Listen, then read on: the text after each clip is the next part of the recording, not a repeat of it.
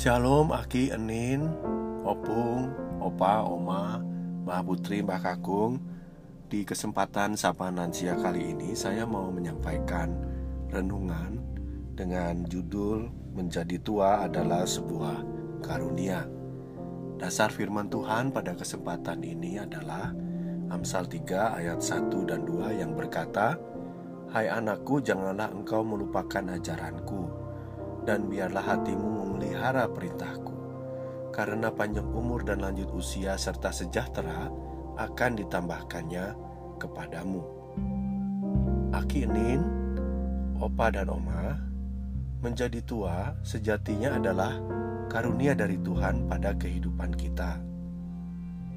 Usia tua ternyata sebuah berkat, sebuah sukacita yang diberikan Tuhan kepada manusia untuk hidup dalam rentang usia yang lama. Memang tidak heran banyak anggapan yang muncul misalnya ketika tua akan banyak keterbatasan, kelemahan, dan deretan serba kurang lainnya sehingga menjadi lansia itu dianggap sebagai musibah karena penuh penyakit menjadi beban anak dan cucu.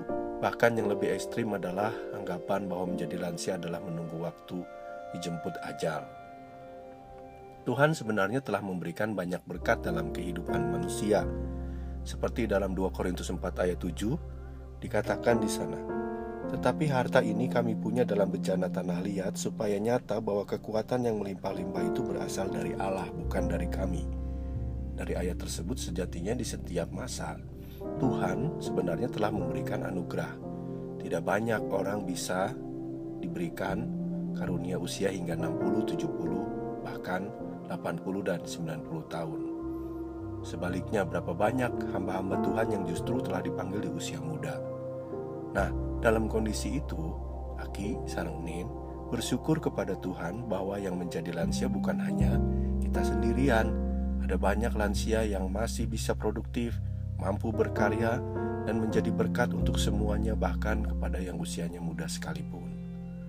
Kepada opa dan oma Aki Sarangnin yang telah diberkati Tuhan, Mari kita saling menguatkan satu sama lain.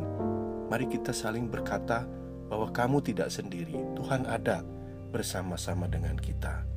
Yakinlah bahwa apa pun yang diberikan Tuhan dalam hidup kita, termasuk usia tua sekalipun, adalah pekerjaan yang dilakukan Tuhan dan memberikan kekekalan hati agar lansia bisa menjadi berkat. Mari kita mulai dengan hal-hal yang sederhana agar hidup kita menjadi berkenan di mata Tuhan. Pertama, kita bisa menghindari hal-hal yang negatif. Misalnya, kita sering mengeluh, sering malah marah, sering emosi karena emosi kita tidak stabil. Sebisa mungkin kita stop terhadap kebiasaan buruk seperti itu.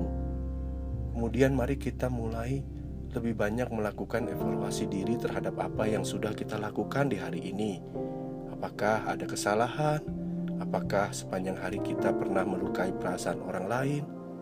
Lalu kita memohon ampun atas kesalahan kita melalui doa kepada Tuhan. Dan yang terakhir, Aki, Sarang Enin, Opa, Oma, jangan pernah menunda waktu. Mari kita tekankan pada diri sendiri bahwa beres-beres yang diartikan sebagai memohon ampun, introspeksi, tidak bisa ditunda-tunda selain kepada diri sendiri mengingatkan kepada orang lain menjadi kebiasaan yang positif. Tuhan memberkati Aki Enin, memberikan kekuatan, penghiburan dalam menjalani masa tua yang adalah karunia dari Tuhan. Amin.